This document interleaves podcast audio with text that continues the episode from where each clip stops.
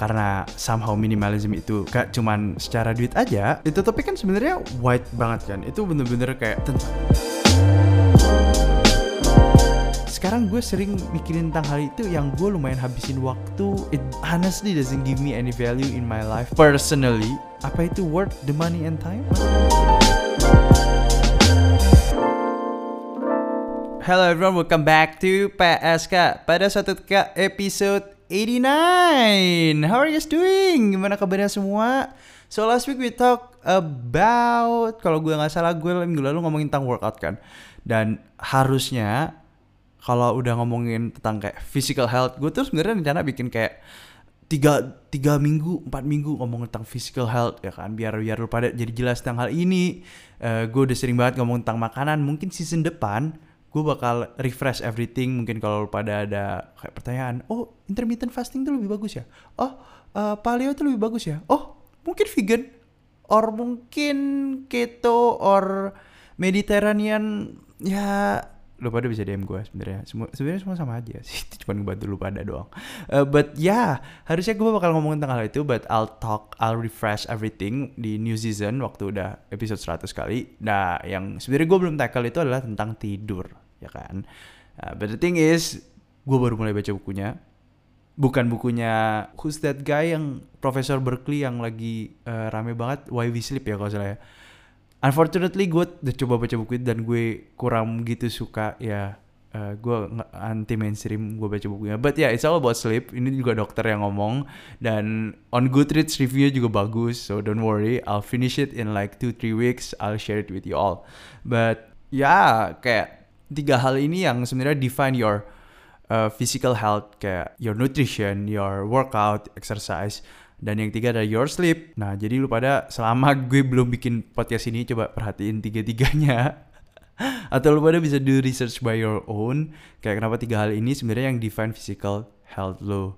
Dan menurut gue ini ini bener-bener jadi kayak patokan diri lu dari tiga hal ini. Mungkin ya ada satu hal lagi itu genetics yang uh, apa ya itu un unchangeable unalterable gitu. Kayak ya udah kalau misalkan lu genetik misal kayak lu ada uh, bawaan sel kanker gitu kan. Biasanya kan kalau misalkan di keluarga itu ada yang pernah kena kanker biasanya anak-anaknya juga bisa mempunyai resiko tinggi terkena kanker.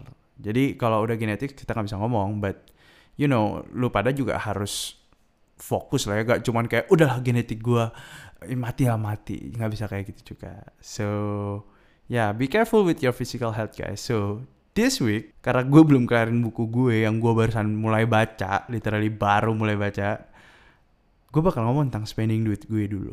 Karena gimana ya, kayak selama pandemi ini gue ada ups and downs, uh, gue ada lumayan banyak masalah dalam pengaturan duit gue, uh, dan ada bagusnya juga, ada plusnya juga, yang gue baru pelajarin, dan mungkin my experience can be an example for you all to invest more atau mungkin biar lu nggak jatuh ke kesalahan yang sama kayak gue. So yeah, let's talk about money pada suatu ketika. Alright, jadi pada suatu ketika kan lu pada tahu tuh waktu gue mau pick up my life, gue sering banget baca buku yang akhirnya jadi habit gue sendiri. And one thing yang goes along with my transformation with my life itu adalah gue belajar tentang minimalism. Dah, karena somehow minimalism itu gak cuman secara duit aja, itu topik kan sebenarnya wide banget kan. Itu bener-bener kayak tentang relationship dibahas, tentang lifestyle lo dibahas juga, tentang karir juga dibahas. Jadi jangan cuman kalau pada masih mikir kayak minimalism itu lebih ke arah ngomongin duit doang, ya sebenarnya hidup kita lumayan revolve around duit sih emang bener tentang hal itu. Tapi jangan cuma lihat minimalism in a narrow perspective gitu loh. Kayak oh ya doh duit duit duit dan duit. Jadi misal kayak gue kasih tahu misal kayak relationship itu mungkin lu bisa cut out kayak teman-teman lu yang gak give you value in your life. Itu bisa salah satunya. Nah jadi kan gue belajar semua tentang hal itu. Oke mulai dengerin dan bikin podcast gue jadi semakin mencoba untuk nerapin nih kayak gue mau aplikasiin sih apa yang udah gue pelajarin di hidup gue and honestly it works ya yeah, it work up until like a few points in my life. Uh, mulai dari gue buang barang yang dalam tanda kutip tidak memberikan value di hidup gue. Uh, begitu pula teman-teman gue yang kayak kalau gue sama mereka gue nggak suka ujung-ujungnya gue ngegibahin mereka. Atau sebaliknya mereka sendiri nggak suka sama gue ujung-ujungnya mereka ngegibahin gue ya kan? Jadi tuh gue harus cut. Nah abis gitu terus gue juga jadi lebih mature in managing my money lebih diversified investment gue meskipun sebenarnya mostly on ya deposito sama P2P lending doang. Ya ada beberapa reksadana karena waktu gue coba daftar buat gue bisa invest saham gue udah pergi ke tiga tempat dan tiga-tiga nolak gue karena KTP gue dan tanda tangan gue gak sama. Asem memang. Ya gimana jir? Gue waktu bikin KTP itu waktu gue SMP waktu itu masih bisa nembak SIM. Uh, gue masih ke SMP kelas 1 kelas 2 gue bikin ngaco. Akhirnya gue nggak bisa niruin sampai sekarang. Kayak gue harus bikin KTP baru sih. Ya yeah, definitely. Jadi uh, semuanya tuh sebenarnya this whole things itu berjalan kayak lancar lancar aja sampai akhirnya awal tahun ini dadadam di awal tahun ini gue kelarin project paling gede gue yang gue pernah share di episode kalau nggak salah itu judulnya dari gue untuk gue kalau nggak salah. Uh, jadi quick recap aja, yaitu gue did a body transformation yang di mana gue obes jadi kurus jadi lean. Nah abis gitu yang gue harus tahu di situ dan harusnya lu pada juga tahu baju gue kan gak ada yang cukup ya nih. Kayak dulu baju gue LXL, sekarang baju gue SM. Dulu tuh baju gue tuh semua yang isinya uh, Uniqlo waktu gue pertama kali pick up my life uh, coba buat diet semua tuh isi baju tuh literally Uniqlo. Yang semua warnanya tuh gelap ya kan? Masa lu tuh pada tahu kan yang 100 sampai 200 ribu itu yang bolos? Kalau kan 150 deh gue sih gitu. Uh, dan gue mulai cari baju yang seharusnya sesuai sama identitas gue yang mencoba untuk tackle everything in a minimalist way. Tapi tapi tapi tapi karena sekitaran Januari Februari gitu gue lagi demen sama band-band Indo. Kayak misal Hindia Reality Club. Nah itu itu gue demen banget tuh Reality Club. Uh, terus gue juga demen banget sama Ardito Pramono ya kan? Dan influenced by my bro. Dan juga gue lagi back back to the market ya kan akhirnya gue spend duit lumayan banyak banget tuh untuk barang-barang yang seharusnya menurut gue kurang wise untuk gue keluarin duit sebanyak itu. Ingat ya, tiap orang tuh beda-beda menurut uh, tiap orang tuh kayak, oh ya mungkin menurut lu barang yang lu beli itu ada value di hidup lu, ya kan? Dan uh, important buat orang lain bukan berarti important buat gue, bener kan? But in this case, itu kayak it actually wasn't really uh, valuable things for me to buy buat spend duit sebanyak itu dan kalau kayak misal lu ngerubah style pakaian lu, style uh, the way you dress, the way you show up to other people, itu otomatis kayak kayak ngerubah how people recognize you as a person juga kan? Kayak misal lu ganti parfum aja itu auranya udah beda cuy. Nah itu tuh it was a mistake yang gue sadar waktu Maret. Jadi gue waktu belanja ya kan? Sekitar Februari sama Maret waktu gue udah mulai uh, belanja baru baju-baju baru. Abis gitu Maret langsung kan uh, virus corona gede segala macam PSBB takut keluar segala macam. Nah udah deh matilah itu. Gue nggak berani keluar. Soalnya kasusnya juga banyak ya kan? Gue udah kayak ada kali 9 sampai 10 baju dan celana dan sebagainya macamnya yang baru gue beli dan even gue belum pernah pakai sampai sekarang kemungkinan gue makan keluar or oke okay, live music gitu yang kasus Surabaya masih kayak eh, -e gini kayak masih tahun depan sih. And you all you, you all should too by the way. Kayak lu pada ya harus tetap di rumah oke? Okay? kecuali lu pada nggak tinggal bareng ortu mungkin kayak ya itu mungkin lebih sans tapi tetap aja be careful. Uh, lu jangan mau jadi nularin ini ke orang lain juga ya kan uh, tapi in this case gue tinggal bareng orang tua gue dan gue masih sayang sama mereka. Jadi there is no way gue keluar sampai tahun depan. Oke. Okay? setelah gue pikirin tentang hal itu gue pikir-pikir lagi kayak gila ya tahun depan cara pakai baju fashionnya juga pasti beda lagi. Dan sekarang gue sering mikirin tentang hal itu yang gue lumayan habisin waktu and it honestly doesn't give me any value in my life personally. Apa itu worth the money and time? Masalah gue tuh sebenarnya nggak cuma sampai itu doang loh kayak setelah gue off kayak spending duit gue kayak lumayan banyak yang ternyata gue realize gue nggak gitu kasih value dengan barang-barang ini yang udah gue beli. Gue cek keuangan gue dong. Gue cek keuangan gue tuh literally biasanya laporan bulanan gue cek kayak nge-recap lah spending gue tuh paling baik di mana. Terus investasi-investasi gue tuh gimana nih? Nah unfortunately insentif gue kan pasti kepotong tuh karena corona ini ya kan? Terus udah gitu kayak ya gue lumayan ngaco sih kayak 50 sampai 60% tuh duit duit duit, duit gue tuh ada di P2P lending man kayak semuanya hampir semuanya gagal bayar coy. Mana yang paling gue untung itu yang paling gue suka sebenarnya tuh gue masukin duit di Amarta. Yang kemarin kasus itu loh yang yang staff khususnya presiden yang dia suruh invest ke uh, perusahaan punyanya dia sendiri di situ tuh gue nggak pakai asuransi cuy Padahal investasi yang lain tuh ya jelas investasi lo ada risiko, tapi investasi dia tuh ada bilang ada asuransinya yang lu cuma harus bayar 3% ya kan dari totalnya. Jadi misal lu untung kayak 10% potong 3%, cek nih lah lu masih pegang kayak 7% gitu. Sebenarnya masih di atas deposito juga dan uh, masih lebih enak. Soalnya kan sistem bayarnya cicilan tiap minggu tuh. Jadi lu masih pegang duit, gak gak misal 12 tahun 12 bulan lu dapet duitnya di akhir-akhir. Lu dapet duit seiring berjalannya waktu lu bisa investasiin lagi. Which is lu dapetnya lebih banyak. Dan lebih aman juga karena kalau misalkan lu pakai asuransi kan terjamin banget tuh. Tapi karena gua uh, saking pelitnya dan gua ngelihat 3% itu gua bisa untung lebih banyak lagi akhirnya yang di Amarta banyak yang gagal bayar telat bayar dan segala macam karena PSBB and shit. Ya gue lumayan sedih sih kayak 50 sampai 60% duit gue anggapannya hilang cuy. Ya ya gimana lagi itu shit happens. Uh, ya harusnya kan gue lebih berhemat dan segala macam. Akhirnya gue menemukan hobi baru yang lu pada udah tahu gue suka sepedaan. Di saat gue terpuruk gini di saat gue nyadar tentang keuangan gue yang ada di otak gue malah harusnya save up gue malah berkata kayak gini fuck it. Like legit itu gue ngomongin ke diri gue fuck it udahlah duit gue habis. Percuma gue capek-capek save up gini kan ujung-ujungnya habis udahlah gue habis-habisin duit gue ini. Akhirnya gue mulai belanja-belanja hal-hal yang tidak sebenarnya dibutuhkan untuk melengkapi sepeda-sepeda gue dan ya hal-hal ini ya kan? Tapi di situ akhirnya gue mulai tersadar waktu beberapa hari yang lalu ternyata semua P2P landingnya itu ternyata masih jalan dan akhirnya masih bagus. Setelah gue cek uh, P2P lending gue yang lainnya juga oke okay.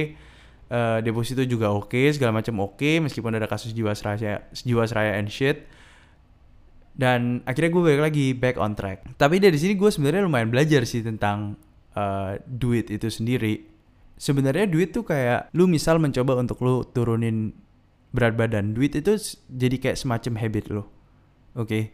waktu lu turunin berat badan lu waktu lu udah jedok waktu lu udah plateau atau mungkin lu lagi ngerasa kayak anjir gue lagi diet terus tiba-tiba berat gue malah naik nih. Sering kan lu pada bilang gitu ke diri lu sendiri? Kayak lu mencoba sesuatu tapi lu gagal akhirnya lu fuck all this shit gue nggak mau kayak gini lagi. Dan begitu pula di kasus gue yang yang waktu gue dapet duit banyak gue malah lebih giat untuk nabung. Waktu gue malah kehilangan duit investasi gue gagal gue malah uh, bilang fuck it dan akhirnya gue menyerah dan akhirnya gue gak mau save up segala macem. Tapi dari situ gue belajar tuh. Dari situ gue belajar bahwa hal ini tuh harusnya dijadikan habit. Waktu gue jatuh pun gue harusnya tetap bisa nih jadi sama kayak misal gue mau benerin physical health gue gue harusnya bisa terapin di sini nih. Waktu gue ngalamin semua hal yang unexpected shit happen dan gue nggak ada progress di hidup gue harusnya gue bisa stick to my habit to save up money uh, buat ke depannya jadi lebih bagus. Dan itu pelajaran yang menurut gue ya lumayan untung aja sih. Yang pitu duit gue di P2P semua akhirnya uh, balik yang akhirnya gue sekarang invest lagi ke platform yang sama tapi gue pasang asuransi dan gue mungkin lebih uh, it more chill. Gue sekarang pindahin banyak banget duit gue lebih karena deposito karena waktu di zaman zaman sekarang kan ya pandemi ini banyak yang goyang juga kalau pada mau invest. Ya for sure. Emang bagus banget kalau misalkan lu beli sekarang tuh kayak stock uh, bond and all other things tapi kalau misalkan lu masukin deposito is the safest one tapi but definitely lu nggak bisa dapet duit gitu banyak. Tapi for now that's my kayak gue bisa bilang taktik investment gue banyak taktik investment lain yang lebih uh, risk taker tapi gara-gara hal ini gue jadi risk averse, averse banget. Yang gue bakal masukinnya ke deposito mungkin ke deposito yang even buku 4 gitu. Kayak barusan kan ada uh, buku tiga aja bank buku tiga aja banyak yang mereka ngalamin ya karena kasus Jiwasraya ini mereka ngalamin kerugian dan uh, apalagi pandemi ini harusnya buku tiga tuh udah kuat banget men. Gue ngerti sih kadang buku tiga gimana ceritanya bisa blunder kayak gini. Tapi ya personally ya gue bisa saranin ke lu pada tetap save up money. Kalau pada pingin ngambil resiko lu pada bisa ngambil ke saham tentunya. Jangan ke reksadana jangan ke asuransi karena menurut gue itu kalau lu masukin duit ke asuransi sama reksadana. Sebenarnya the process is like lu pada follow Joska itu gak sih? Harusnya lu pada follow Joska kan? Kayak kalau misalkan lu masukin reksadana jadi reksadana itu keluarin produk yang isinya stok-stok yang ada isinya saham-saham yang ada ya kan? Dikumpulin jadi namanya reksadana. Nah reksadana ini mereka punya program-program khusus dikumpulin jadi asuransi lu pada. Jadi kalau daripada lu udah masukin asuransi yang isinya kumpulan-kumpulan reksadana dan mereka mau cari untung, lu rugi kan. Lu mau masukin reksadana sebenarnya itu mereka ngumpul-kumpulin saham ya kan. Terus ujung-ujungnya mereka dapat keuntungan dari produk-produk yang mereka beli. Lu rugi lagi. Mending lu langsung beli sahamnya aja. Kalau pada ngomong belajar saham tuh susah. Cuy, kalau lu masukin buku biru, itu tuh ada sih di Joska kalau salah pernah jelasin. Kalau misalkan lu masukin ke buku biru, eh buku biru kayak uh, blue chip blue chip, lu tuh sebenarnya masih untung loh. Kalau lu masukin 10 tahun lalu, lu lihat perkembangannya lu masih oke. Okay. Kalau lu nggak even kayak kayak try to do like daily trading itu lu masih oke oke aja. Jadi what I would suggest ya masukin aja ke saham. Atau mungkin kalau lu ada kelebihan duit mungkin lu bisa bikin usaha uh, kopi. Kayak orang pada umumnya franchise di mana-mana. Uh, tapi mungkin pandemi ini emang bikin susah buat kita cari duit ya kan? Uh, tapi bertahan aja. Gue selalu bilang ke karyawan gue tahun ini gue nggak expect ada keuntungan apa-apa. Yang penting gue mau tim gue full tim gue masih komplit. Uh, perusahaan tetap ya nggak nggak rugi nggak untung. Just stay uh, sampai pandemi ini kelar. So yeah let me know what you think about how you uh, spend your money. Uh, it took me few quite few hard lessons. Kayak dari cerita gue yang barusan dari gue mulai beli-beli barang yang nggak masuk akal dan investasi yang menurut gue uh, gue lumayan bego dalam mengambil langkah uh, ya yeah, you should learn about it. Inget ya kalau misalkan lu mau beli barang lu mau upgrade tanya dulu ke diri lu apakah lu membutuhkan hal ini? Misal lu mau ganti Samsung lu pada atau iPhone or your phone lah in general apakah fitur-fitur baru kalian itu bisa kasih value di hidup kalian misal itu kayak kayak oh ini cuman karena gengsi gengsi itu nggak apa-apa cuy tapi kalau emang gengsi itu kasih value misal lu lagi kayak temen gue nih dia dia ada seorang dokter dan juga ada seorang teman lagi gue lagi itu dia sering kayak lobby ke perusahaan-perusahaan gede dia bilang dia harus tampil tajir kalau dia mau convince lawan bicaranya. So, kasih value kan. Makanya value tiap orang beda-beda, jangan ngejudge value-nya. Kayak misal, aduh tapi menurut orang pembelian ini nih gak bisa kasih value, tapi menurut gue kasih value. Uh, ya minimalism tuh banyak banget kok. Kalau pada lihat tentang minimalism, dengerin podcastnya minimalis itu favorite podcast gue for sure. Uh, mereka tuh juga waktu show rumahnya ada pick up lines juga dia tuh kalau nggak salah dia uh, bahas tentang minimalism and vegan life mereka mereka tuh mereka mereka tuh tetap keep barang-barang yang gak gak totally kosong gitu loh rumahnya yang gak ada apa-apa. Tapi mereka literally cuman ngomong gue cuman keep barang yang kasih gue value. Bukan berarti gue minimalis rumah gue kosong. So yeah that's all about about uh, spending your money. So be wise about it. Dan no one judge. Lu yang ngejudge diri lu sendiri apakah hal ini bagus apakah hal ini wise for me or not. So thank you guys for listening. I think that's it for the podcast this week. Uh, don't forget to follow PSK Podcast. I'm back yo. Gua kemarin sharing-sharing tentang buku kan di PSK Podcast. Hopefully kita bakal lebih banyak sharing buku gitu. Jadi kayak book club ya podcast gue. Tapi ya apparently baik daripada suka baca buku and I'm really happy about it. And yeah, thank you guys so much. I'll see you guys next week and see ya.